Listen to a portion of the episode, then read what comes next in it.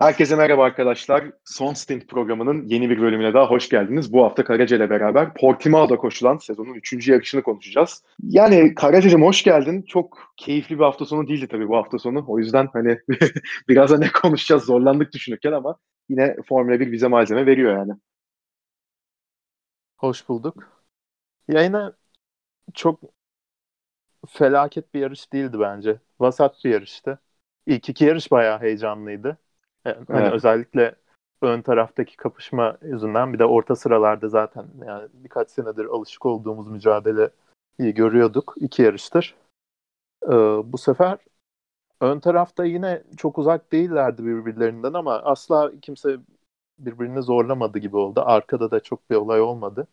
Bence biraz e, beklentilerimiz e, yüksek olduğu için ağzımızda böyle garip bir tat bıraktı bu yarış ama yani e, çok daha sıkıcı olabilirdi bence. Yani zaten düşününce hani ilk iki yarıştaki aksiyon bütün sezon boyunca devam ediyor olsa hani e, çok daha farklı bir şey olurdu zaten. O ki onu beklemekte çok da gerçekçi değil şimdi düşünce genel pist koşullarını, hava koşullarını ve hani arabaların her hafta hani güncelleme getirmeleri, daha iyiye gitmeleri, bazı pistlere olan uyumları ve uyumsuzlukları hani bunlar da tabii etken olduğu için e, her hafta tabii aynı aksiyonu ve heyecanı göremiyoruz. E, Portimao'da tabii hani geçen seneki e, yarışı düşününce geçen sene biraz daha tabii e, heyecanlı bir yarış geçmişti. Yine mükemmel bir yarış değildi Portimao'daki ama yani startta özellikle pistin be, e, bir yarısına yağmur yağarken diğer yarısında hiçbir hava muhalefeti olmaması ve kupkuru bir pist olması. Sainz'ın bu startta özellikle geçen sene yaşanan kaotiklik durumunda kendini bir anda öne atıp yaklaşık 8-10 tur birinci gitmesi, işte Bottas'ın arabasının bozulması, Hamilton'ın sonra kazanması, Verstappen'in ikinci olması. Yanlış hatırlamıyorsam Ricardo da ilk podyumunu Portimao'da almıştı geçen sene. Hani aslında kendi içinde güzel hikayeler barındıran bir yarış olmuştu Portimao yarışı geçen sene ama tabii bu sene güneşli hava, e, daha farklı araba koşulları biraz da onun önüne geçti. Zaten buna da birazdan yarış içinde değineceğiz. İstiyorsan cumartesi günüyle başlayalım abi. Cumartesi günü şimdi cuma ve cumartesi sabah yapılan e, antrenman turlarının da ben hepsini olmasa da bir kısmını seyrettim. Ve e, sürücülerin özellikle de pistin asfaltından çok çok şikayetçi olduğunu gördüm. Hani bu e, Hamilton da şikayetçiydi, Bottas da, Verstappen de, George Russell da, Mick Schumacher. Hani 20 pilotta e, pist koşullarından, asfalt koşullarından hiç memnun gözükmüyordu. Yani çok e, ya, pistin çabuk ısınmadığını söylüyorlardı. Pist sıcaklığı ideal noktaya ulaşamıyordu. Lastiklerin e, düzgün ve fonksiyonel olabilmesi için. E, bu, bu yüzden de hani arabaların genel sürülebilirlik açısından sıkıntı yaşadığını gördük. Hem cuma hem cumartesi yapılan antrenman turlarında. Hani kim ne kadar hızlı açıkçası çok da fark edemedik bunu.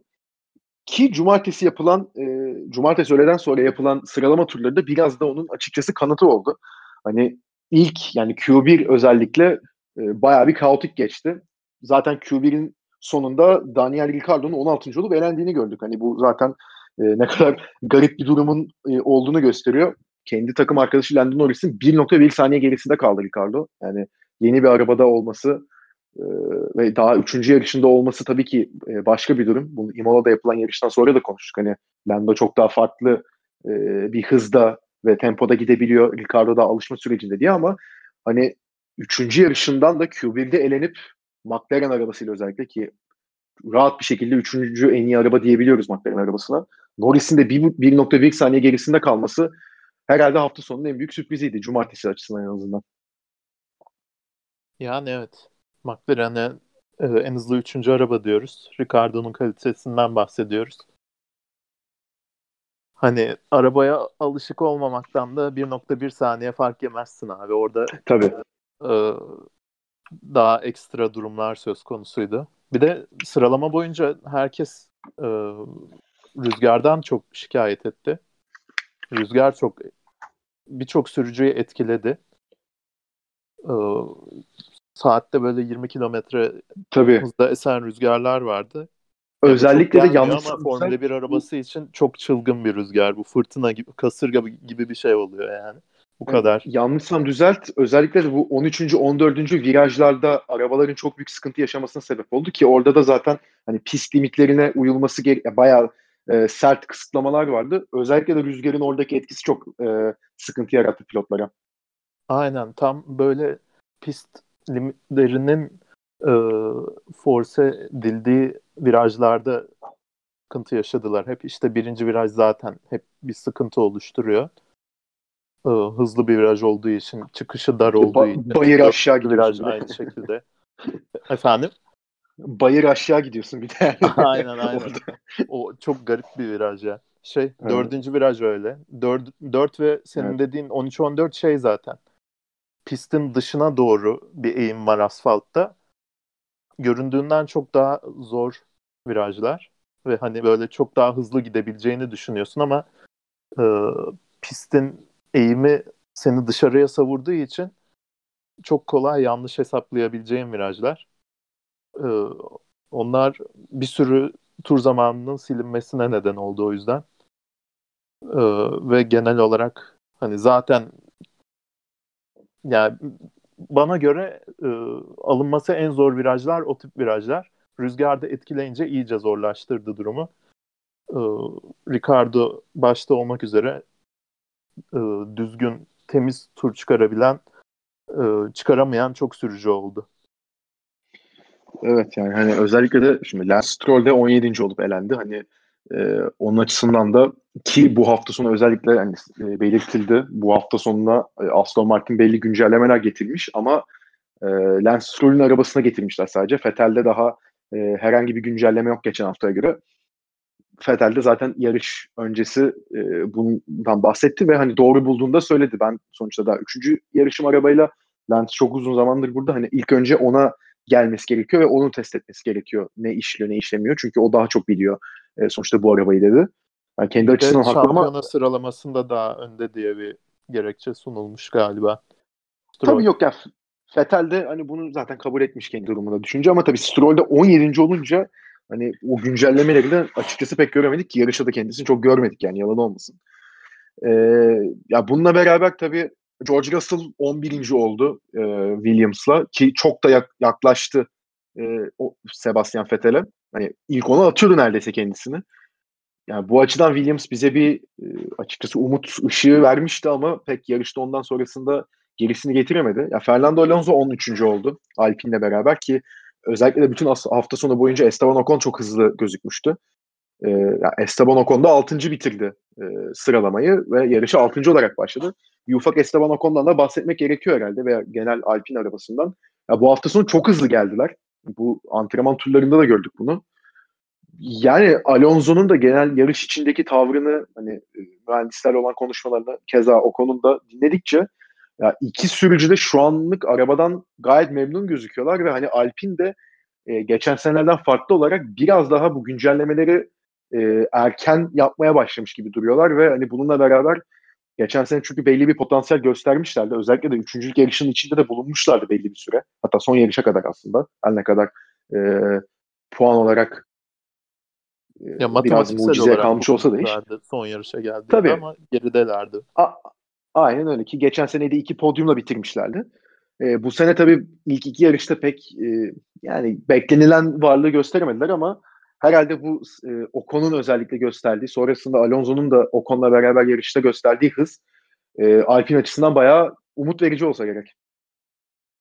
Ya iki yarıştır çok kayıplardaydılar. Hiç orta sıraların ön taraflarını zorlamıyorlardı. Böyle 11-12 civarında falanlardı. Ben hatta ya puan aldılar da e, önceki yarışlarda. Nasıl aldılar anlamadım. Bir de şey olmuştu. E, Imola'daki yarışta Raikkonen 9. bitirmişti galiba. Sonra ceza aldı. Ondan Tabii. da bir çok kısa evet. bahsedeyim. Evet. Ocon 10. bitirmişti. Raikkonen'in arkasında. Raikkonen'in cezasıyla Ocon 9, Alonso 10 bitirmiş oldu. Yani çifte puan almış oldular. Ben o nasıl oldu anlamadım açıkçası bir önceki yarışta. Ee, çok e, sönüklerdi yani. Burada burada da Alonso yine öyle çok bir ortalıkta değildi. Q1'de de az daha eleniyordu galiba. Evet. Çok uzak değildi 15. 16. sıradan. Ee, Ocon bayağı şaşırttı. Ve yani genel olarak 3 yarıştır da e, geçen sene konuştuğumuzda şey demiştik. O konu için Ocon'un Formula 1 kariyeri için çok kritik bir sezon olacak demiştik. Çünkü yani 40 sene 40 yaşındaki bir Alonso'ya net bir şekilde geçilme ihtimali çok yüksekti. Alonso'nun nasıl kaliteli bir adam olduğunu biliyoruz. Eğer hani prime'ını çok net bir şekilde geçmiş bir adama net bir şekilde geçilirse onun için çok tehlikeli olacaktı. Öte yandan Alonso'ya kafa tutabilirse hatta birazcık önünde olabilirse de bir anda bütün e, algısını değiştirebilecek bir sezon olabilir demiştik. Üç yarıştır da e, bu yarış ilk kez galiba sıralamada geçti değil mi? Hı hı, hı. Ama ama çok uzak değildi. Bu yarışta da sıralamanın net bir şekilde Flash ismiydi bence.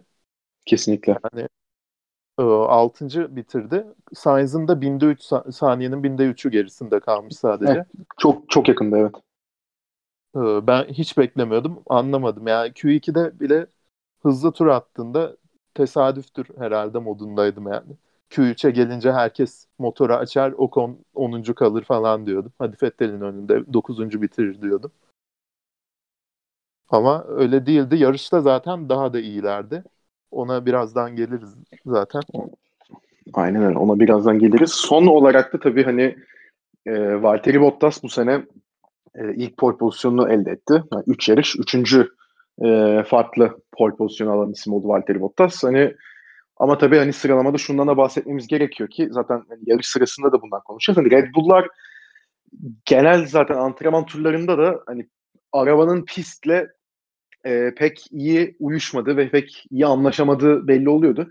Ki biz açıkçası seninle hafta içi konuşurken de hani Portimao pistine Red Bull uyabilir diye düşünmüştük. Hani ben de açıkçası hani Verstappen yine bu e, yakın durma hatta biraz önünde olma e, Mercedes'e göre tabii en hızlı araba olma potansiyelini görüyordum Red Bull'da. Hani Perez de artık e, alıştığını zaten görüyorduk. Hani Imola'da da ikinci başlamıştı Perez. Hani bayağı sıralamada özellikle zorluk çıkartabileceğini Red Bull'un iki arabayla beraber düşünüyordum. Pek öyle ol yani pek öyle olmadı demek de istemiyorum çünkü Verstappen'in attığı tur e, pist limitleri sebebiyle silindi ve o, o turu eğer e, pist limitlerini aşmadan bitirebilseydi Verstappen podyum sahibi olacaktı. E, ama Valtteri Bottas'ın son attığı tur tabii e, daha doğrusu ilk attı Q3'teki tur e, ona yetti. Ya bir de Q3'te abi yani o kadar garip bir e, son bölüm izledik ki sıralamada. Mercedesler hani yumuşak lastikle çıktılar. İlk turlarını öyle attılar. Ondan sonra Mercedeslerin pite geldiğini ve orta hamuru taktığını gördük. Çünkü orta hamurla Q2'de e, Lewis Hamilton 1 e, dakika 17 saniye işte 9 salise, e, 900 salise olması lazım. Öyle bir tur atmıştı. Hani 1.17'lere çıkabilen tek pilottu Lewis Hamilton. Valtteri Bottas da onun işte %1 mi gerisindeydi. Çok yakınındaydı yani. O da artık 18'in en e, başlarındaydı. Yani Mercedes'in aslında orta hamurda daha hızlı olduğunu gördük. Onlar da böyle bir e, durumu görmüş ki son turlarını orta hamurla atma e, riskini aldılar ama hiç yaklaşamadılar bile. Yani Q3'te hatta herkes ikinci turunu attı. Bir kişi bile derecesini e, geliştiremedi. Direkt zaten ilk atılan turların sonucunda oluşan sıralama kaldı. Ya böyle garip bir sıralamaydı açıkçası. Hani ben hiçbir şey anlamadım. Sıralamanın özellikle son kısmından hani kim ne yaptı, kim hızlı, kim değil. Gerçekten çok kafamı karıştıran bir durumdu. Ya bir tek işte orada diyebileceğim hani Verstappen biraz dikkat etseydi poli çok büyük ihtimalle almıştı. Ya benim koltukta otururken izlediğim kadarıyla yani hiçbir hiçbir şekilde bilmiyorum bir şey de okumadım bununla ilgili ama e, yani Q3'ün son bölümünde rüzgar iyice çıldırmıştı galiba ve kimse artık iyi bir tur atamaz hale geldi. E, Verstappen'in de onboard'unu izledim. Yani 0.4 gerisinde kaldı zaten Bottas'ın. Ee, resmen arabayla güreşiyordu. O özellikle evet, de pistin dışına doğru asfaltın eğimli olduğu virajlarda böyle 2-3 defa direksiyonu düzeltmek zorunda kaldı. Evet. Yani ah canım e, benim ya. Şartlar, şartlar şartlar iyice kötüleşmişti. Sen orada bir e, cumartesi izlerken kızmıştın Red Bull'a bir de. Niye erken çıkarmadılar diye. Ya ben orada yine çok beklediklerini düşünüyorum. Ben daha çünkü ilk turu attı silindi. Geldi bir 4-5 dakika içeride beklemesine gerek var mıydı? Ya bilmiyorum yani sonuçta bir tek tek bir tur atabildi ve hani o Verstappen'in attığı turda zaten hani en başta o çıktı. Kendisi hızlı turunu atarken diğer 9 pilot piste yeni çıkmıştı ve işte out lap dediğimiz hani arabayı lastikleri ısıtan ve hani hızlı turlarını atmak için kendilerini hazırlayan durumdalardı. Verstappen onların arasına girdi. Orada zaten biraz da tartışmalı bir e, radyo mesajı da duyduk e, McLaren'dan. Norris'e hani Verstappen'e yardımcı olma şeklinde bir şey geldi ama ha, hani Norris hiçbir şey diye. A, a, hiçbir şey yapmadı Norris. Hani hatta yani öyle iyi bir yerde yani pistte verebileceği en iyi yerde yerini verdi Norris. Hiç hakkını teslim edeyim orada yani kendisinin. Ama ya Verstappen biraz tabii trafikten şey yaptı ama hani trafiğe takıldı mı? Belki biraz takıldı ama yani genel hava koşulları da e, kötü etkiledi ben senin dediğin gibi. Ya onun haricinde de hani keşke iki tur atma şansı olsaydı. Tek turla sıralamayı bitirecek kadar da güçlü gözükmüyordu Red Bull. Hadi onu geçtim zaten genel sezon başı yani boyunca da hani öyle bir arabalarda olmayacak. Yani o kadar Mercedes bunu geçen sene yaptı bir iki kere de hani o seviyede değil Red Bull. Onun da bir göstergesi oldu bence. Aynen. Bir de şey hani bu e, radyo mesajları özellikle televizyon yayınına sonradan veriliyor. Böyle 30-40 saniye evet. sonra veriliyor. Ee, Norris'e onu galiba start finish düzlüğünde demişler direkt. Hani hava koridoru vermesin diye. Sabote et turuna anlamında dememişler zaten de. Çok Tabii. uzun bir süre Norris ve biri daha vardı. Norris'in hemen önünde. Ocon muydu acaba? O ikisi böyle sanırım 3 saniye kadar önündeydi ve bu kadar hızlı virajların olduğu bir pistte o kadar uzakta bile olması e, etkilemiştir muhakkak Verstappen'i. Ama yani 0.4 fark yemiş. Kimse de e, tur zamanını geliştirememiş. E, yine üçüncülükten daha iyisini yapamazdı. Hamilton'la Bottas'ın turu zaten birebir gibi bir şey. Tabii yani. Bu arada yani 18, benim hayatımda gördüğüm en az heyecan verici, en az ödüllendirici bir his yaratacak pol pozisyonuydu yani. Ay kim yani Bottas da zaten hani ki Bottas'ın e, mekanikeri genelde Bottas pol aldığı zaman hani böyle çıldırıyor. Ba bayağı çığlık falan atıyor adam. Hiç yani a polo aldın tebrik falan dedi. O kadar yani. Ya bir iki meme gördüm ben. İşte e, Hamilton'ın 100. poli olacaktı ya alsa. Bottas hmm. işte engelledi onu falan diye mimler koymuşlar. Hiç gülemedim yani, bile alakası yok çünkü evet. yani. Hiç yani öyle Bottas çok Gördüm, iyi bir performans gösterdi de. Pol pozisyonuydu sanırım. Gerçekten gerçekten. Abi yani normalde işte hani kaç zamandır izliyoruz sonuçta. Son atılan turlarda hep böyle bir sıra değişikliği olur. Kimse şey yapamadı yani turunu iyileştiremedi. O yüzden hani tabii ki bunda pist ve hava koşullarının da çok etkisi var.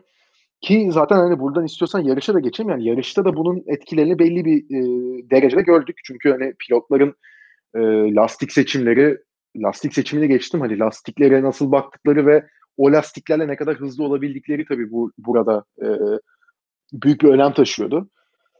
Şimdi hani yarışın başında zaten e, direkt startta çok da olaysız bir starttı aslında. Hani öyle çok e, birbirinin üstüne basan pilotlarla görmedik. Yani Bottas orada e, başlangıçta Hamilton'ın zaten ben açıkçası birincilik için ya daha doğrusu en azından e, yarış başlangıcında özel bir çabasının olmadığını gördüm. Kendisi öncelikle Verstappen'i bu arada bloke etti. Verstappen önünde atlamasın diye.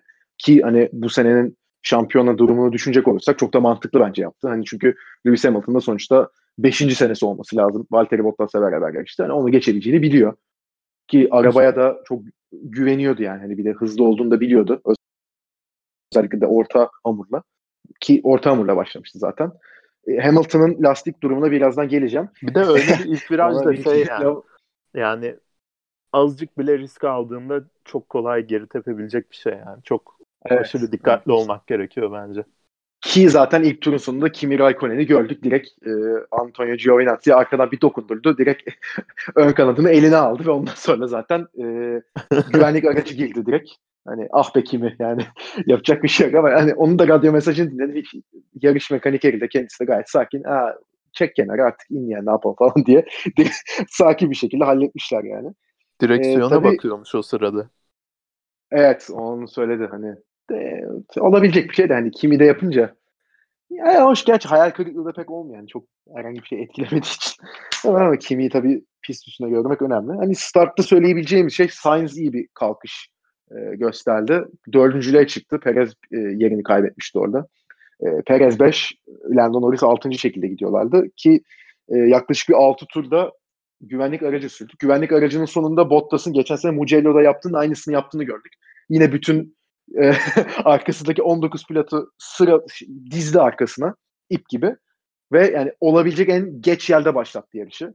Ha, bu bir taktiktir. Yani buna pek denecek bir şey yok ama Allah'tan geçen sene Mugello'da yaşanan e, karmaşa yaşanmadı ve bir kaza görmedik. E, güvenlik aracının tabii bitişinde Bottas başlattıktan sonra tekrar yarışı Max Verstappen Hamilton'ın önüne atladı. Güzel bir hamleydi bence. Ee, ama hani oradan sonra özellikle Sainz'ın tekrar yerini kaybettiğini ve 8.liğe kadar düştüğünü gördük. Ee, güvenlik Perez aracı sonrasında.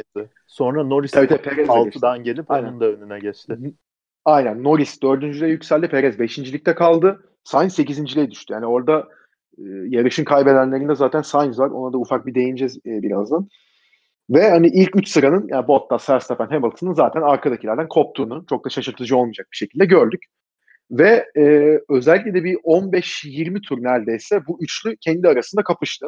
Hamilton zaten dediğim gibi çok hızlıydı orta hamurda ve Verstappen'i geçti orada. Ondan sonrasında Bottas'ı geçti zaten. Yani oralarda hani şöyle sorayım sana en azından bu üçlü arasında yaşanan e, mücadeleyi gördüğünde hani sen oralarda anlamış mıydın? Hamilton bu yarışı çok da zorlanmadan kazanacak diye. Çünkü ben orada hani özellikle de yarış hızını gördükçe hani Verstappen'i geçerken de pek zorlanmadı. Güzel de geçti. O hakkını vereyim ama hani sonrasında Bottas'ı da gayet rahat bir şekilde yakaladı. Ya pistin en hızlısıydı açık ara. Hani tabii ki arabası da buna el veriyor ama ya Hamilton'ın zaten hani yerini Verstappen'e kaybettikten sonra bile ben kazanacağını orada biraz anlamıştım ya. Öyle mi? Öyle mi diyorsun? Valla abi pek yani Max'ın işte sen de dedin zaten cumartesi de arabayla güreşiyor diye. Abi Hamilton çok rahattı. Hani ne kadar lastikler hakkında ağlasa da yine aynısını yaptı Imola'da yaptığının. Lastikler bitti dedi. Tweet attım. Onun fot şeylerini de yollarım sana zaten. Aynen abi ya. İki- Yine aynı tu- şey iki oldu tur ya. Bak, aynen o şeyden iki tur sonra attım tweet orada. İki tur sonra en hızlı turu atacak dedim. İki tur sonra en hızlı turu attı.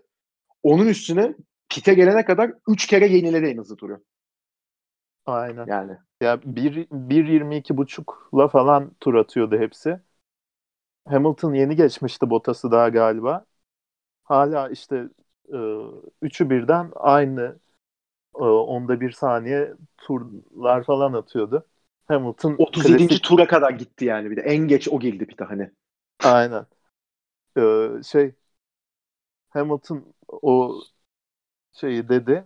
İşte lastikleri iyice kaybediyorum ya falan dedi. İki tur sonra Bottas'la Verstappen hala 22.5'la tur atıyorken bu adam tak diye 22'nin altına inmeye başladı. 21.9, 21.8 falan gelmeye başladı. Yani, Yani artık komik olmaktan çıkıyor abi ya. Yani herkes farkındaydı ya en hızlı turları atacağını. Bu şeyden sonra şakasız yani ben 2-3 kişiyle daha konuşuyordum. Hatta iki arkadaşımla izliyordum. Ki izlediğim arkadaşlarım öyle hani hardcore Formula 1 fanları değil. Hani daha yeni yeni izlemeye başladılar. Ki Hamilton'ı severler ikisi de. Onlar bile tamam bu yine şimdi şey en hızlı turları atacak dedi yani düşün. Abi Michael Jordan I took that personally diyor. Hamilton da benim lastikler gitti diyor. Yapma yani en hızlı oldu zaten çok belliydi adamın. Çok rahattı arabasıyla. Hani niye lastikler bitti. Ondan sonra 10 tur sonra hala lastiklerde şey e, vakit var almayın beni diyor. Her yarış aynısını yapma abi işte. Ha bir de bu diğerleri pite Ab- girmiş. Undercut çok güçlü. Hani iki saniye falan kazandırıyor tur başına. Adam ha- hala beni almayın diyor ya. Şaka gibi. bu adamın radyo mesajlarını bütün pit duvarı duyuyor mu? Duyuyor. Sadece Diğer ki- takımlar da duyuyor. Değil mi? Bilerek yapıyor abi çok belli yani. Ama işte Ama hani abi- Red Bull biraz öğrendi onu. Hani geçen sene de yapmışlar. Ya yok abi yalan söylüyor falan diye de. Yani Abi ben her duyduğumda bir inanasım geliyor. Zorlanacak mı acaba diye. yok abi. Yok abi. Ama yok o onun sihirli cümlesi yani. Yani hani ki bu arada hani lastiklerini de yakından gösterdiler. Evet aşınma vardı. Gayet doğal. Yani 37. turda girdi zaten adam şeye. Ki kullanılmış e, lastiklerle çıkmıştı. Yani total 42 tur atmış oluyordu yanlış hatırlamıyorsam o lastiklerle. Aşınma vardı tabii ki de. Ya en azı turda 4 kere yenileme abi işte. Yapma yapma yani. Her yarış aynı şeyi biz konuşmayalım ya. Hayır bir de işin ilginç tarafı Bottas'ın hep böyle bir saniye arkasındaydı. Kirli havadan çok büyük bir şekilde etkileniyor yani. Kirli havada da normalden daha yavaş dönmen gerekiyor virajları. O yüzden daha fazla aşındırma ihtimalin çok yüksek. Yani onlarca tur onun arkasında kalmış. Ee, ve Bottas temiz havada ilerliyor. Ona rağmen Bottas'tan daha iyi lastiklere bakabilmiş yani. Nasıl olabiliyor yani, abi böyle bir şey? Geçtiği abi yani bu tur başına yarım saniye fark evet. attı. 5 saniye fark oluşturdu yani. Yani lastiğine iyi bakması takdir edilecek bir şey ki hakikaten çok iyi bakıyor. Ona bir laf yok. Yani özellikle de hani bu işte geçiş lastiklerini kullanmışlar diye işte şeyde Imola'da adam tam onları düzleştiriyor. Bunda konuşmuştuk zaten. Onlarla çok hızlı gidebiliyor falan diye. Onlar bayağı takdir edilmesi gereken şeyler de. Yani böyle abuk subuk lastik bitti. En hızlı turu atıyor. Ondan sonra yok ya tam iyiymiş. Devam edeyim ben falan. Hani ya, her yarış yapma işte yani. Artık biraz suyu da çıktı onun.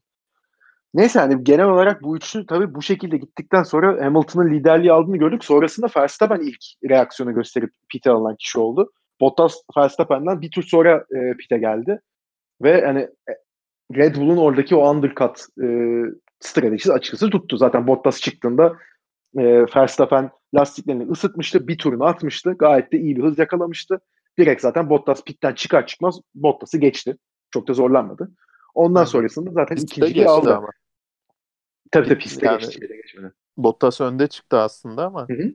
bir de e, Mercedes yavaş bir şey belliydi yani lastikleri biraz daha yavaş ısıttı. E, turun ortasında geçti Verstappen. Tabii tabii yani direkt pat diye önünde çıkmadı zaten o başka da. Ee, ama yani en azından hani Red Bull'un övülebilecek bir iki belki şeyi varsa onlardan bir tanesi bu stratejiydi. Ondan sonrasında tabii Sergio Perez'in uzun süre lider gittiğini gördük. Orada sözü sana bırakacağım çünkü oradaki Red Bull stratejisini sen bayağı eleştirdin. Hani çok uzun süre e, Perez'i tuttular dışarıda. Hani o da e, orta lastikle e, çok uzun bir süre gitti ve hani zaten anlı, anlaşılan hani Perez o kadar uzun süre gidecek. 51. E, turda girdi kendisi e, pite. 56 turluk lastiklerle. Hani sıralamada da kullandığı lastiklerdi bunlar çünkü. Ya yani orada Red Bull e, hani Hamilton gelecek arkadan Perez onu biraz zorlasın. Max de arayı kapasını düşündü çok büyük ihtimalle ama ya Hamilton geçerken zaten mavi bayrakların sallanmasını istedi Perez'e. Halbuki Perez'le yarışıyordu aslında orada. Yani Perez'e tur bindirmiyordu. Kendisi de bir zaten şaşırdı. Ee, ama yani Red Bull'un öyle bir stratejik düşüncesi yani olabilecek bir şey ama hani herhangi bir anlamı olmadı pist üstünde. Abi Perez nasıl bir yarış çıkardı sence? Yani ilk bölümde özellikle. İkinci bölüm bölümde e, etkisiz elemandı da. Abi yani iyi. Ben e, gayet stabil ve ya tam açıkçası hani Perez'den beklenen şeyi Perez bu yarış yaptı zaten. Hani evet şeyde başlangıçta bir sıra kaybetti ama ondan sonrasında aldı sırasını. Ön tarafa yavaş da, yavaş yavaş da olsa yaklaştı üçüncülüğe.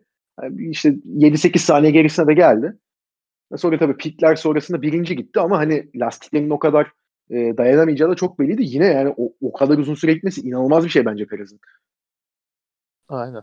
Ya abi Perez'in tek e, bu yarıştaki kötü tarafı bence şeydi. Yani startta geçilmesi. Geçince de zaten tur başına bir saniye falan fark yedi. 10 e, tur işte e, Norris'le uğraştı. Norris'in arkasında kaldı. Norris'i de geçtikten sonra Verstappen'in 7 saniye arkasındaydı galiba. Ve yani e, öndeki üçlü pit stop yapana kadar 25 turda onlardan sadece 2 saniye falan fark yedi. Çok benzer tempoda gidiyordu yani. E, tek işte sıkıntısı startta e, ve güvenlik aracı çıktıktan sonra e, önünde orta sıralardan bir araba olmasıydı. Temposu çok iyiydi. Hani o da zamanlıca pit stop yapmış olsa öndekilerin 8-10 saniye gerisinde devam edecekti. Ona mesela çok daha agresif bir undercut yap, yap, yaptırabilirlerdi. Böyle o farkı 5 saniyeye indirebilirler, indirtebilirlerdi pit stoplardan sonra. Ve iyice Hani Hamilton alıp başını gitmeye e, başlamıştı ama Bottas'ı zorlayabilirdi mesela. E, ya da ne bileyim olası bir güvenlik aracı durumunda direkt tekrar arkalarında olacaktı. Ama yani anlamıyorum şey Hamilton da pite girdi 37. turda işte senin dediğin gibi. Oradan sonra bir 5-6 tur yine hala çok kötü değildi temposu. Lastiklerden çok kötü etkilenmiyordu. Ee, işte Hamilton'ın da pit stopu yapmasıyla beraber 11-12 saniye falan önündeydi Hamilton'ın galiba. 5-6 turda o 10 civarına indi. Sonra bir anda tur başına 1-1,5 saniye evet. lastikleri iyice tükenince fark yemeye başladı. Onu böyle bir e, hani şey olarak kullanmaya çalıştılar. E, Hamilton geçerken iyice zorlansın da Verstappen e, yaklaşır belki diye ama o noktada Çok artık tur başına 1,5-2 saniye fark yiyorken hiçbir şekilde durdurması mümkün değil. Yani yanından geçip gitti beleşe Hamilton DRS almış oldu yani. Aynen öyle. Daha, daha hızlandı daha yani hatta. oldu. Zaten ona geçildikten sonra da pite soktular. Yani çok bariz bir şekilde Hamilton'ı durdurmaya çalışmak için yaptılar bunu. Perez'in yarışını da çöpe attılar biraz.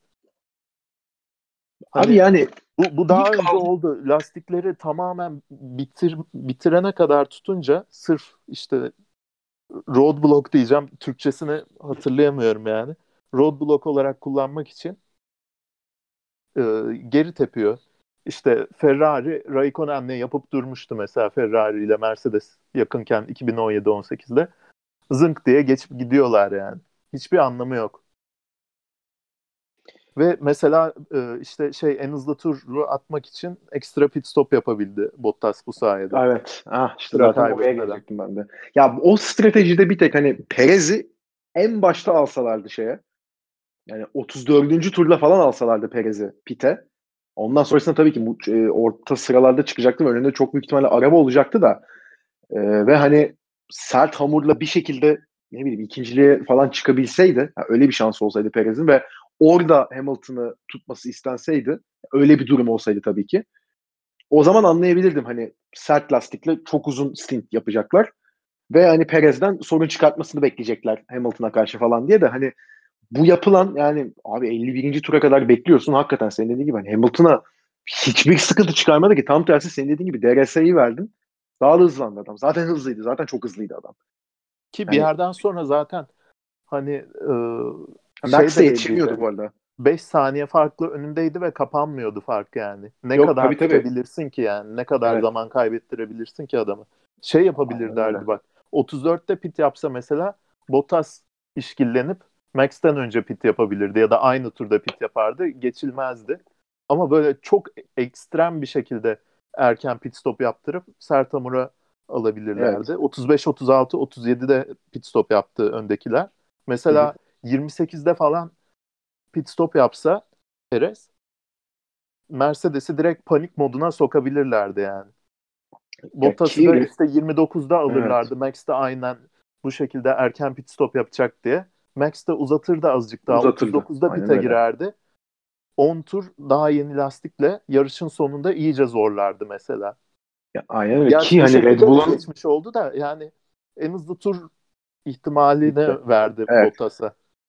Aynen öyle. Ki hani Red Bull'un sonuçta evet e, zaman zaman en hızlı araba olacaklar bu sene ki gördük ilk iki yarışta da ama hani Red Bull'un geçen senelerde hep e, bu tarz stratejik hamlelerle ön, öne çıktığını görüyorduk. Bu sene de onunla devam etmesi gerekiyor abi. Hani o kadar e, fazla özgüvenle yarışacak bir araba da yok altlarında. Öyle bir yani rakipleri de şimdi Mercedes'e çok e, hani yavaş şöyle böyle geçen sene göre şu kadar hız kaybettiler. İşte rake yüzünden böyle oldu falan. Bunlar anlatılıyor çok güzel ama Mercedes her hafta güncelleme getirmeye devam ediyor. Red Bull da bu hafta getirdi tamam çok güzel de Mercedes'in o hani genel hani Formula 1 takım olarak değil fabrika ve şirket olarak düşünce zaten ne kadar işleyen bir yapı olduğunu bildiğimiz için Formula 1 takımının da nasıl işlediğini görüyoruz kaç senedir. Ya o adamlar hani biraz bile yavaş olsalar zaten hani sezon içinde getirdikleri güncellemelerle çok daha farklı yerlere ulaşabilen bir takım. Bunu geçen yani, sene gördük ayrıca. Geçen sene aynen. şeye kadar Belçika yarışına kadar her hafta yeni bir güncelleme getirdiler. Yani ikinci arabayla aralarında 0.5 0.6 saniye fark vardı. Ona rağmen her hafta güncelleme getiren bir takım var karşında. Onlarla yarışabilecek bir durumdasın ama sen hani onların ne kadar fazla çalıştığını ve altyapı olarak da e, genel kaynak olarak da senden ne kadar önde olduğunu farkında olman gerekiyor. O yüzden hani Red Bull'un o stratejik kararlarda bir farklılık yani, yani ya da yani daha argo tabir kullanayım daha çakallık yapması gerekiyor. O şekilde mücadele etmesine gerekiyor tekrardan.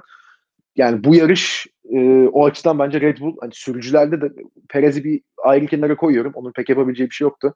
Hani Verstappen'in de sürüş hataları oldu bence. Hani e, arabayla çok güreşmek zorunda kaldı evet ama özellikle de sonda hani en hızlı turu almışken yine silindi.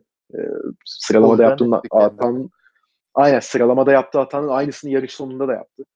Hani ya ama Red Bull'un da stratejik olarak kararlarına baktığımız zaman hani fark yaratması gereken bir durumda çok vasat kalması ya en azından sezonun başında geldi. Hani daha fark açılmamışken. E, ben bu haftayı Red Bull'un genel olarak e, iyi değerlendireceğini düşünüyorum. Yani umuyorum diyeyim. Düşünüyorum demeyeyim de. E, buradan çünkü çıkarabilecekleri dersler var. Onları çıkarırlarsa eğer e, baş baş bir mücadele sürdürmeye devam edebilirler bence ama bu haftayı iyi analiz etmesi gerekiyor Red Bull'un. Yani hem sürücüler hem de takım stratejisi bakımından. Yani ben strateji olarak vasat olduklarını düşünmüyorum. Ya vasat derken hani. Orta... Verstappen'e yine ya, yer kazandırdılar. E, e, hani tabii, o, onda ikinci... Bottas'ın da sıkıntı var ama. Yani. Aynen. Bottas abi. De... Ya, Bottas çünkü yani. Birinci başladın yarışa bir de. Aynen. Abi ben bu kadar çok pardon sözünü kestim de hani ha. ya bu kadar da şey olma be abi. Ondan sonra yani geçen hafta ya her hafta aynı şeyleri tekrar ediyormuş gibi oluyor da abi her hafta ya bu adam işte şöyle şampiyon olacağım, böyle hırslıyım. işte Drive to Survive'da çıkıyor. E, şöyle aslanım, böyle alevliyim, yakacağım ortalığı falan. Ya abi Ha, birinci başlamışsın. Takım arkadaşın seninle aynı arabaya sahip. Tamam lastiklere senden daha iyi bakıyor. Tamam senden çok daha iyi bir pilot da. Abi bir farklılık göster ya. Hani Verstappen'de geçilme işte. Veya ne bileyim hızını kazanmışken yerini tut bari. Ne, bilmiyorum hani her hafta bize niye şampiyon olamayacağını tekrar tekrar kanıtlıyor Bottas. Yani ben bundan sıkıldım abi. Hani şaka gibi ya. Abi ben bir yandan suçlayamıyorum. Hamilton gibi bir adam var ya. Yani ya abi evet de o Toto'nun şampiyon olacağım, elimden geleni yapacağım falan tabii ki diyecek ama yani yok abi, Hamilton var abi. Toto'nun Toto'nun radyodan Bottas'a dediği abi o baya bence onur kırıcı bir şey. Yani o duruma gelmesi ve hani orada Toto bence kendini tutamadı. Geçen hafta da yapmıştı bunu. Bence onu onun için yapmadı ya. 1-2'yi çok istediği için. Bir de Tabii Toto Wolff'in böyle hafta sonunun başında bir açıklaması vardı ya. Biz bu kadar kötüyken e, bundan faydalanamadı rakibimiz falan diye. Biz onlara evet. avans verdik o kadar ama e, biz öndeyiz hala gibi bir şey demiş ya bir de. Tam, tam, tam şey ya asıl onur kırıcı olan o bence. Onun da gazına Yok, geldi ben... bence. Tam 1-2 yapabiliriz diye. Muhtemelen. Avlu onu diye şey yaptı. Bence Bottas'a laf ya. geçirmek için falan demiyor. Ha, tabii o ki tabii ki. Yok, ben de öyle demiyorum. Hızlı şey yapsın geçsin demek yerine kendi direkt mesajı vermek istedi. Evet. Hayır zaten, zaten yok benim masaya dediğim... yumruğu falan vuruyor gaz bir adam yani benim. e, tabii. Hayır yok benim dediğim orada Bottas'ı aşağılamak için söyledi değil. Ben Bottas açısından diyorum hani ya Bottas şeyin farkında değil o sırada. Verstappen'den tur başına yarım saniye falan alıyordu orada Bottas. Baya artık neredeyse DRS açacak noktaya gelmişti Bottas. Ondan sonra bir sıkıntı yaşamış anladığım kadarıyla sensörleriyle ilgili de. Abi hani geçmek için bir hamle bile yapamadı ama işte. Yani yakalamışsın. Bunu da diyorlar yakaladın geç artık şunu geçebilirsin sen en hızlı sensin diye. Ki o sırada pistin en hızlısı da Bottas'tı. Bir 6-7 tur boyunca. Hamilton da değildi yani. Evet. Ama yani yok abi her hafta aynı şey oluyor. Ya, o yüzden ben bu sene ekstra mutluyum. Hani en azından başka bir takımdan başka bir sürücü var şeyin içinde. Şampiyonluk yarışının içinde. Hani Bottas olmasın abi artık. Yani ben onu da istemiyorum hakikaten. Her hafta aynı şeyleri o kalın enseyi görmek istemiyorum ben haftaya. Böyle boynu bükük şeyden sonra çıkıyor. Hasatları yanmış şey gibi söyle adını çiftçi gibi bakıyor böyle. E, yarışamadık iyi değildik falan. Yapma abi işte her hafta. Ya vallahi vallahi sıkıldım ya. Sen bayağı bilenmişsin ya Valtteri'ye. Ya abi yani neyse. şey, şey diyecektim ben. Ee, sen benim çok kaba bir şekilde sözümü kesmeden Özür önce. Dilerim, ya lütfen. bir aldım başına gitti. Şey e, Red Bull'un stratejisi ortalamanın biraz üstündeydi bile diyebilirim. İşte Perez'e yaptırdıkları biraz saçmaydı. Verstappen'e ama sıra kazandırmış oldular. Öyle ya da böyle. Evet. Ama abi yani Ferrari'nin 2017-18 sezonunda da gördük. Daha hızlı araba ya da denk araba yapmak yetmiyor. Ma karşında makina gibi işleyen ıı, her sezon şampiyon olan, domine eden bir takım var yani.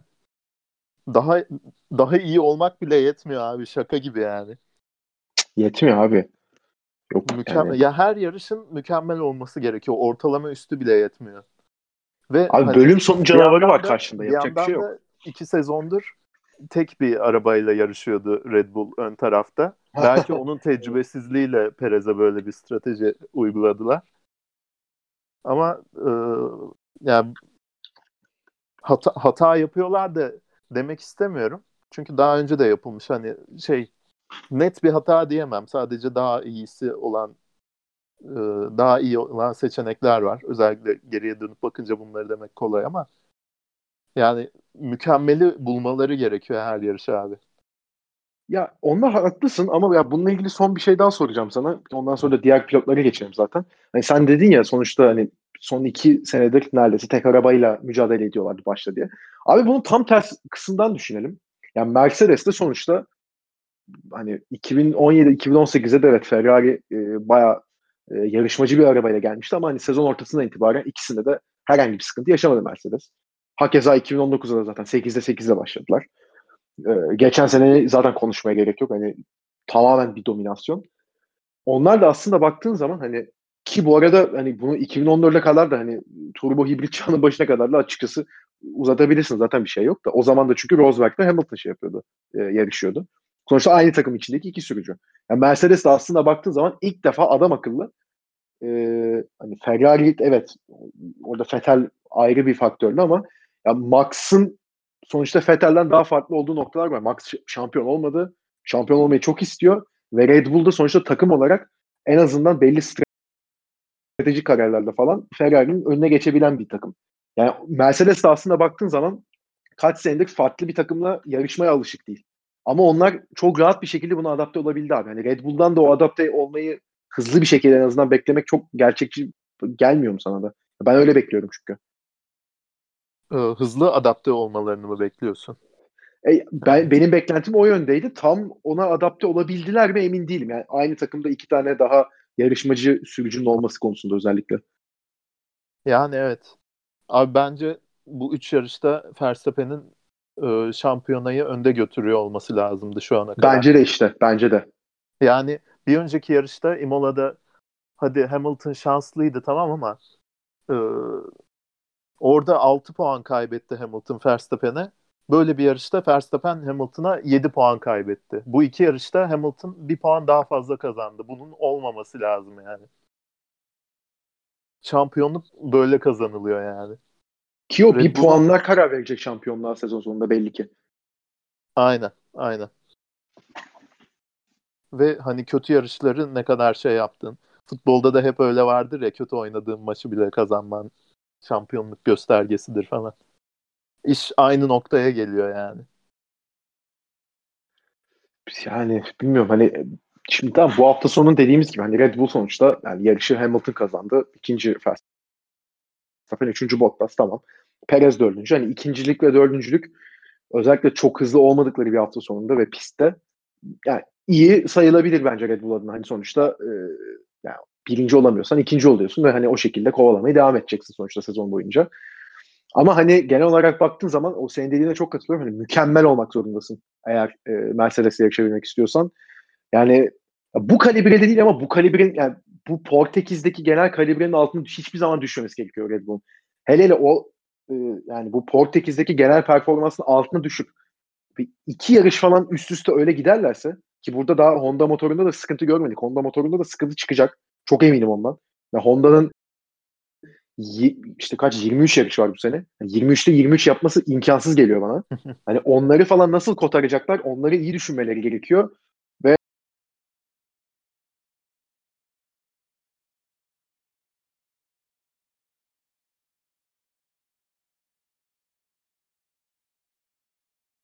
hani mesela istediğim yerden kral yerine salladı moduna girmeyeyim de hani e, çizgiyi tutturmalarından çok hakikaten senin dediğin gibi mükemmel olmak zorundalar. Yani o seviyede kalabilirler umarım ve sezon sonuna kadar yani şampiyon olamasalar bile en azından e, mücadeleyi sürdürmelerini görmek istiyorum ben. Yoksa hakikaten yani en ufak hatada çünkü karşılarındaki canavar onları parçalar. Hiç hiç şansları kalmaz. Gerekiyor yani. Evet, evet.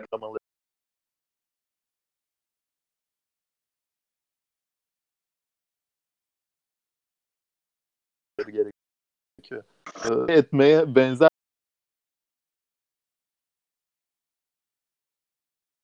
hareketler yapmayı seven bir adam. Bakalım. Ama şu ana kadar Toto Wolff'ün dediğinde doğruluk payı var kesinlikle. Kesinlikle. Yani avans verdiler ama hala öndeler. Hamilton 8 puan önde Verstappen'in. Takımlarda 18 puan öndeler.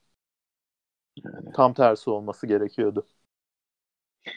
Ya ben şu an hani Christian Horner'a takım şampiyonluğu mu Verstappen şampiyonluğu mu diye sorsak kendisinin bile ya abi Verstappen'i Max'ı biz şampiyon yapalım diyeceğini düşünüyorum. Takımdan çok. Hani, Tabii canım. o yüzden yani ya onu ne kadar hani sezon sonunda takıma şampiyon olmak şeyini kovalarlar onu hani bilmiyoruz ama onu göreceğiz tabii. Ee, yani genel dediğim gibi hani e, yarışın e, ön sıraları bu şekilde geçmişti. Genel şimdi biraz da diğerlerinden bahsedelim. Lando Norris 5. oldu.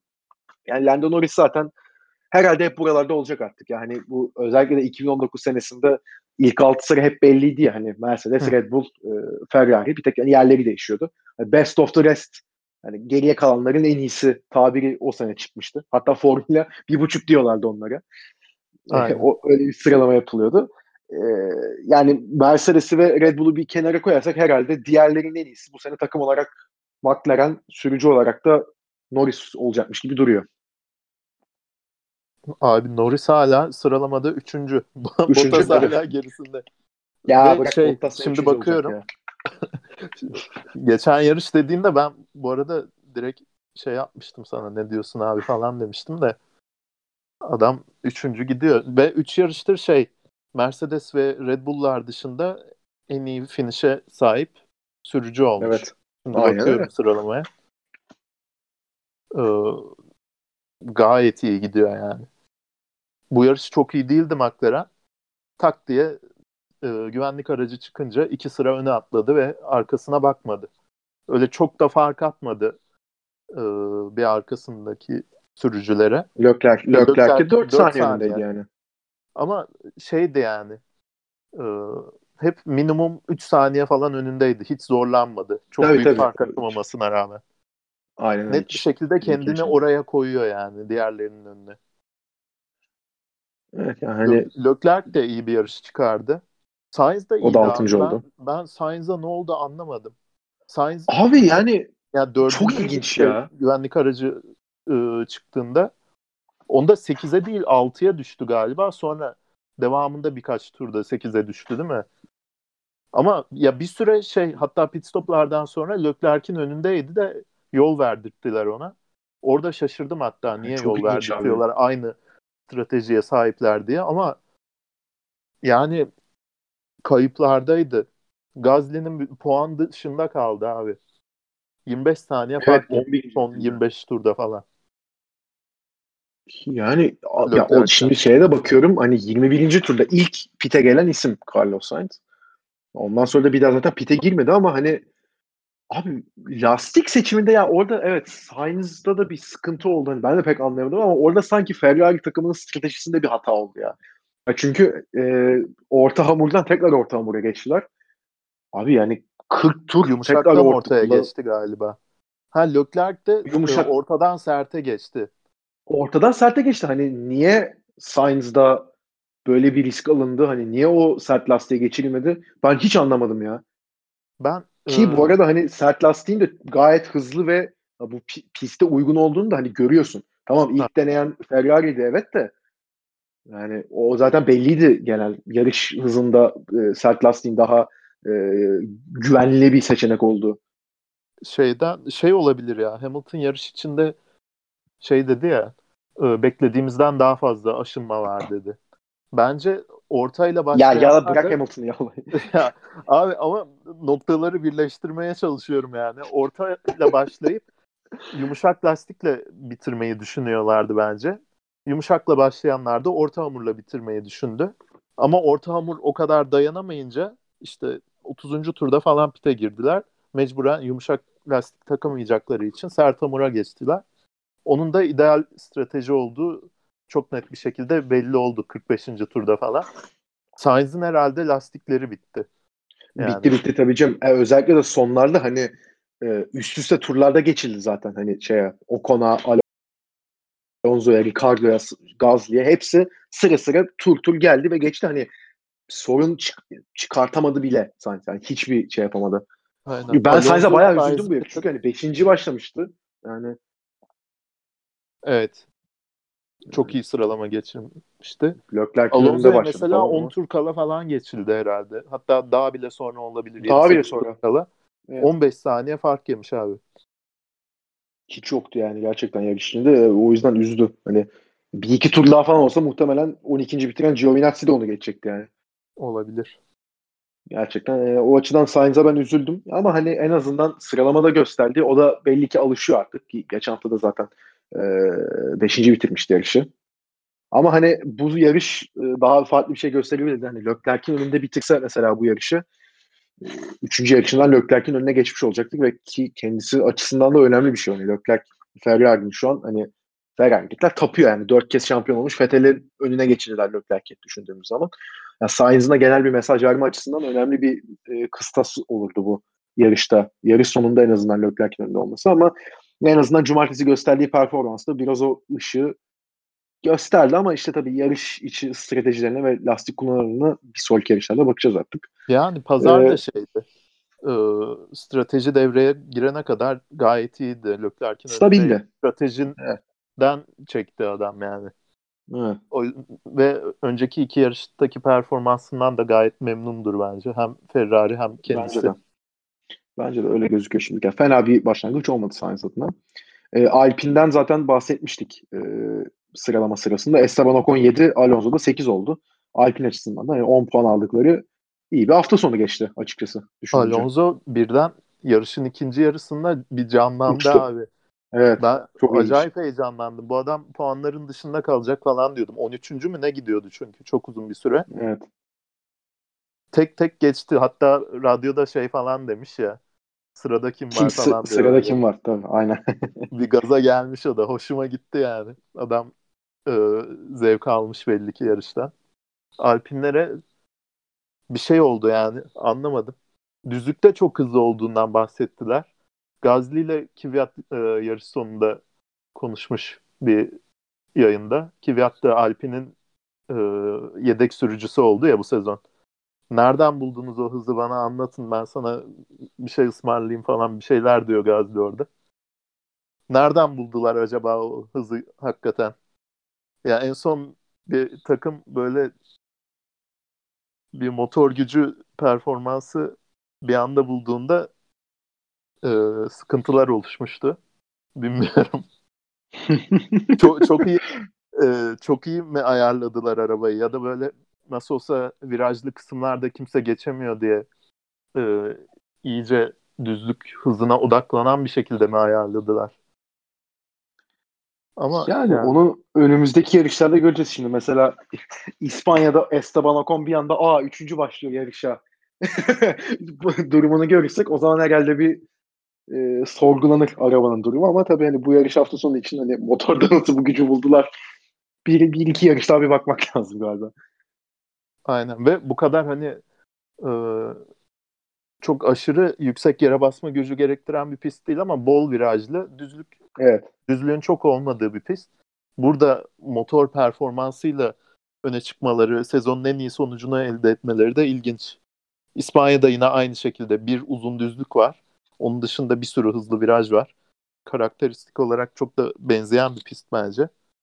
Bakalım evet. ne olacak. Ee, Alonso'nun kendi evinde yarışta.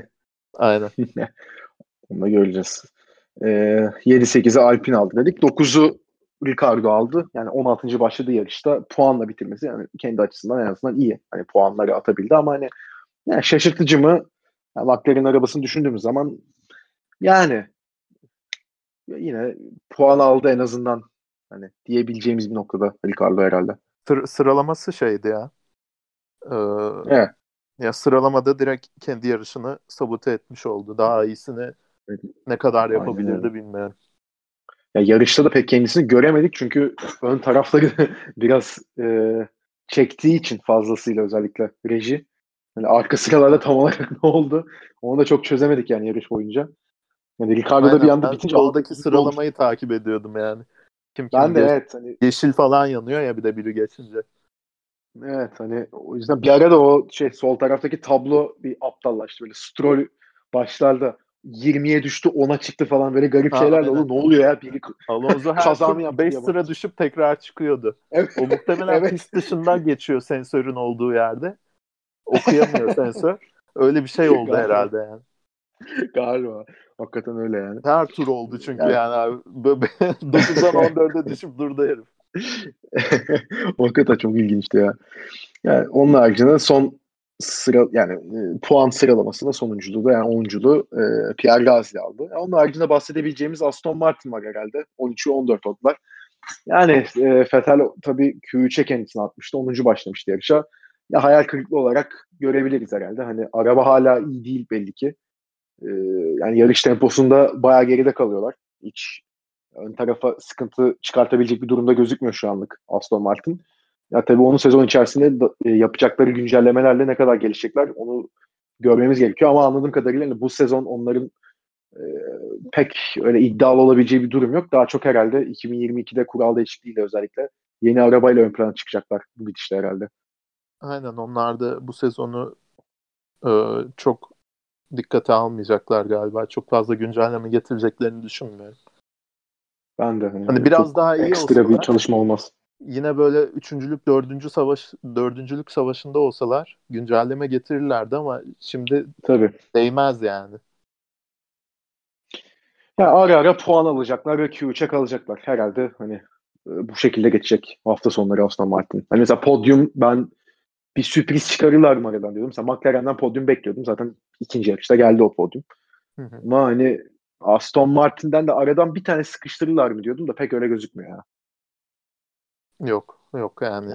O çok, ee, çok ekstra olaylar olması lazım onun için. Son iki takım zaten onların yeri belli. Alfa Tauri e, pardon Alfa Romeo'nun da 8. olduğu az çok belli. Hatta o bile belli değil aslında yani. Alfa Tauri, Alfa Romeo, Aston Martin bunlardan hangisi daha iyi desen net bir cevap veremem yani. Evet yani Giovinazzi Aston Martin'leri önünde bitirdi. Hani öyle yine klasik bir Giovinazzi yarışı mesela ona baktığın zaman. Hani 12. bitirdi. 10 üzerinden 5'lik yani. Etliye sütliye dokunmadan hani bir kaza maza olsa puan çıkarırdı. Olmadı çıkaramadı. Hani tam olarak bir Giovinazzi yarışı. Aynen.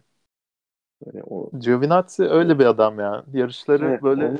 şey asla ön plana çıkmıyor adam. Arada bir Hiç. kaza yapıyor. Ama ya iki senedir e, biraz düşündürüyor yani niye tutuyorlar bu adamı diye. Ama ben onu birkaç bir değinelim ya. şey diye e, okudum. Çok iyi geri bildirim veriyor takıma diye ve hani çalışması e, çok rahat bir adam diye. Zaten. Raikkonen de seviyormuş onu. Raikkonen seviyorsa evet. zaten düzgün adamdır yani. ee, o belli bir de hakikaten. 2017 ve 18'de Ferrari Mercedes'e bu kadar yakınken hep şeymiş meğerse e, Giovinazzi bunların e, test sürücüsüydü. Cuma akşamları yarış hafta sonlarında hep e, Cuma gece böyle binlerce tur atıyormuş simülatörde ve o sayede e, takımın müthiş ayarı bulmasını sağlıyormuş. Alfa Romeo'nun da Ferrari ile güçlü bağları olduğu için herhalde bu e, bunu duydular. Zaten Ferrari sürücüsü kontenjanından Alfa Romeo'da şu an galiba. Yani e, çok çalışkan ve e, iyi bildirim vermesinden galiba Formula 1'de devam ediyor. Bakalım. Biraz ya yani çok az geliştiğini de görüyoruz mutlak hızı olarak. Mesela ilk senesinde Raikkonen'in net bir şekilde gerisindeydi. Ama bakalım bu sezon ne yapacak? Onu da bir göreceğiz tabii. Yani o da dediğim gibi bir gün zaten bir genel daha aşağıdaki sürücülere bir değiniriz. Özellikle yarış olmayan bir haftada. Onların da geleceği hakkında ben de bir konuşmak istiyorum. Çünkü hani konuşulacak şeyler de var sonuçta. Ya son olarak da değinmek istediğim hani bu yarış hafta sonunda hani Mick Schumacher'in performansı yani tabii ki hani puan alacak bir arabaya veya öyle bir durumda değil tabii ki kendisi ama hani Williams'larla yarıştı. Bayağı yarıştı yani. Kendi takım arkadaşına bir dakikadan farklı, bir dakika yaklaşık fark attı. İşte 57-58 saniyelerdi. Sonra bir 63 saniye çıktı. Ondan sonra tekrar 59'a falan düştü yanlış hatırlamıyorsam ya o yaklaşık bir, bir dakikalık bir e, farklı önünde bitirdi Mick Schumacher Mazepin'in. Ve Nicolas Latifi'yi de geçmiş oldu. Hani bunu hem ya burada sonuçta Haas arabasına güncelleme getirmiyor. Bu zaten açıklanmış bir şey. Hani Haas arabasının iyiliğinden çok Mick Schumacher'in genel yarış temposunu görmüş olduk burada ve bir tane Williams'ı geçebilmesi hem Mick Schumacher adına olumlu bir konu aslında tam ters taraftan bakacak olursak da Williams felaket bir hafta sonu geçirdi. Yani George Russell 11. başlamıştı yani yarışa. Hiçbir varlık gösteremedi. Yani Williams açısından da biraz genel yarış temposu düşünüldüğünde çok çok kötü. Abi çok ilginç ya ben anlamıyorum. Gerçekten ya. Adam Q3'e kalamadım diye üzüldü yani. Yüzde evet, saniyenin yüzde beşiyle kalamadı. Ama yoktu yani. Tamamen kayıptı adam. Full geçirdi. Radyo mesajlarını da dinledi mi bu arada Russell'ın? Yok hayır. Adam y- yarış içinde 4-5 kere araba sürülebilecek durumda değil diyor. Süremiyorum arabayı diyor adam. Hani şeyde pistte tutamıyor adam arabayı. Çok ilginç. Yani sıralamayı izledikten sonra ben gaza geldim. Bunlar acaba orta sıralardaki takımları yakaladılar mı cidden diye yarışta tekrar şey oldum. Tamam son iki takımın e, çok geride olduğu net belli dedim. Ve hani bununla beraber böyle sıralama geçirmiş bir takımın sürücüsü Latifi e, Schumacher'e geçildi abi. Hani evet. Haas arabası böyle tur başına Williams'dan bile bir saniye yiyen bir takım şu tabii, anda tabii. neredeyse. Yani felaket bir araba yani. Geçmiş olması herhangi bir arabayı büyük bir başarı. Gerçekten öyle ya. Yani hadi takım arkadaşına bir dakika fark atabiliyor o şey Mazepin'in atlığından dolayı da e, yani Williams'ı geçmesi abi Haas orada Mickey zaten hani tebrik etmiş şey yarış mekanikeri yine çok tatlı konuşmuş kendisiyle. Onları daha bu sezon zaten herhalde dinleyeceğiz bu gidişle. Aynı Williams'ın oturup bir düşünmesi gerekiyor. Hani bizim sürücümüz 11. olup ulan ona kalıyorduk az kalsın diyecek durumdayken cumartesi günü pazar nasıl böyle darma duman oluyorlar. Ee, yani onu bir ya, oturup düşünmeleri lazım. şeyi bence. Russell'ın Bay Cumartesi olmasından.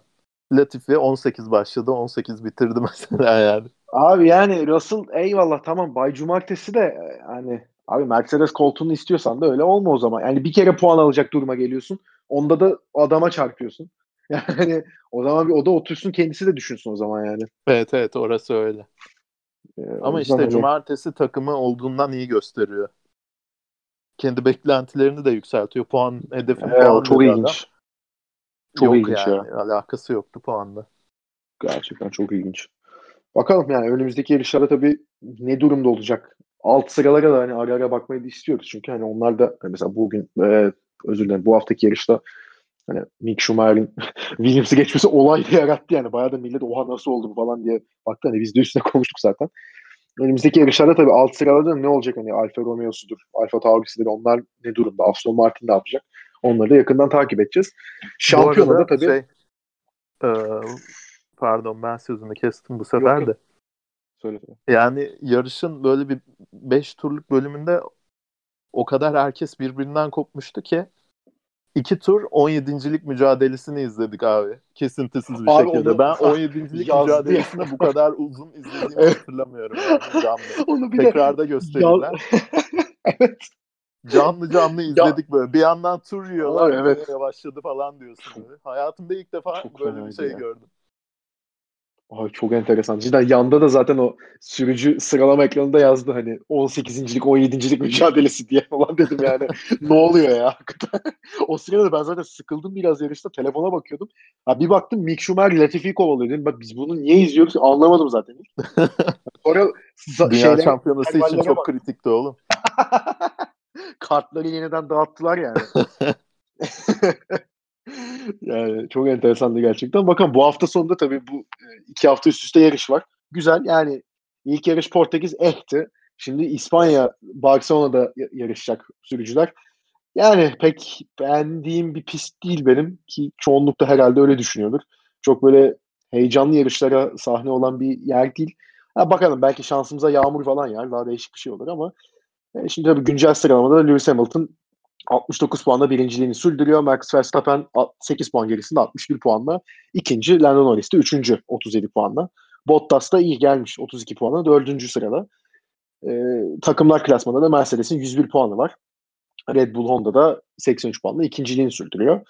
Ee, bakalım bu hafta İspanya'dan nasıl bir sonuç çıkacak? Yani zaten program sırasında demiştim Red Bull'un buradan bir galibiyet çıkarıp e, tekrar kendisini öne atması gerekiyor bence.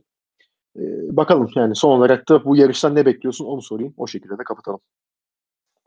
Abi e, yani İspanya'nın tarih boyunca sıkıcı bir yarış olmasından dolayı benim beklentilerim çok düşük. E, ben bu haftakinden bile daha vasat bir yarış beklentisiyle gireceğim. İlla Sana öyle şey olacak mi? demiyorum ama beklentilerimi düşük tutmak istiyorum ki hayal kırıklığına uğramayayım yani. Abi pazar gününe yüzde 40 yüzde 50'lik yağış ihtimali veriyor şu an. Ya onu onu hep diyorlar ya. Yüzde 40 demek kupkuru bir gün abi. Bir damla yağmur yağmayacak demek. değil mi? Yani başına güneş geçiyor. Lastiklerim, lastiklerim gittiden daha iğrenç bir cümle yani. Beni Abi, daha sinir eden bir şey. Görmeden inanmam. Ya da böyle damalı bayrak sallanır iki dakika sonra yağış başlar. Ha, Hep öyle oluyor. Niye bu kadar yükseldim şu an anlamadım. De ama sinir yani, ediyor. Barcelona.com'a bakıyorum. O da pek yağış vermiyor ama Google niye yağış veriyor onu bilmiyorum. Hani abi belki Yok ya. abi bizim yani. duygularımızla oynamak için. Yok ya o BBC'ye de baktım. Abi yok 9'u full güneş 21 derece diyor. Al işte. Al işte. ha pardon. Lütfen sabah 7'de yağış veriyormuş. %4 ihtimalle. Aynen kanka. Yani neydi Umut Fakir'in ekmeğidir demişler. Neyse o zaman artık Abi Barcelona'daki yarışı Kasım'da yapsınlar ya. Böyle olmaz bu. Abi cidden ben bu hafta sonu ekran başında uyuyakalacağımı düşünüyorum. Yani Aynen. Portekiz'de yarışında hani arkadaşların evindeydim. Hani orada uyusam ayıp olurdu. Aa, o yarışı muhtemelen evde tek izleyeceğim. O yüzden hayırlısı diyelim ve bu şekilde de bölümü noktalayalım. Bizi bir drinking çok game yapılabilir. Heh. Ulan tam so- bak şey yapıyordum. Neyse bir kesmeyeceğim. Neyse tamam tamam. yani drinking game'i de artık haftaya konuşuruz başka yarışlar için. Aynen. Neyse.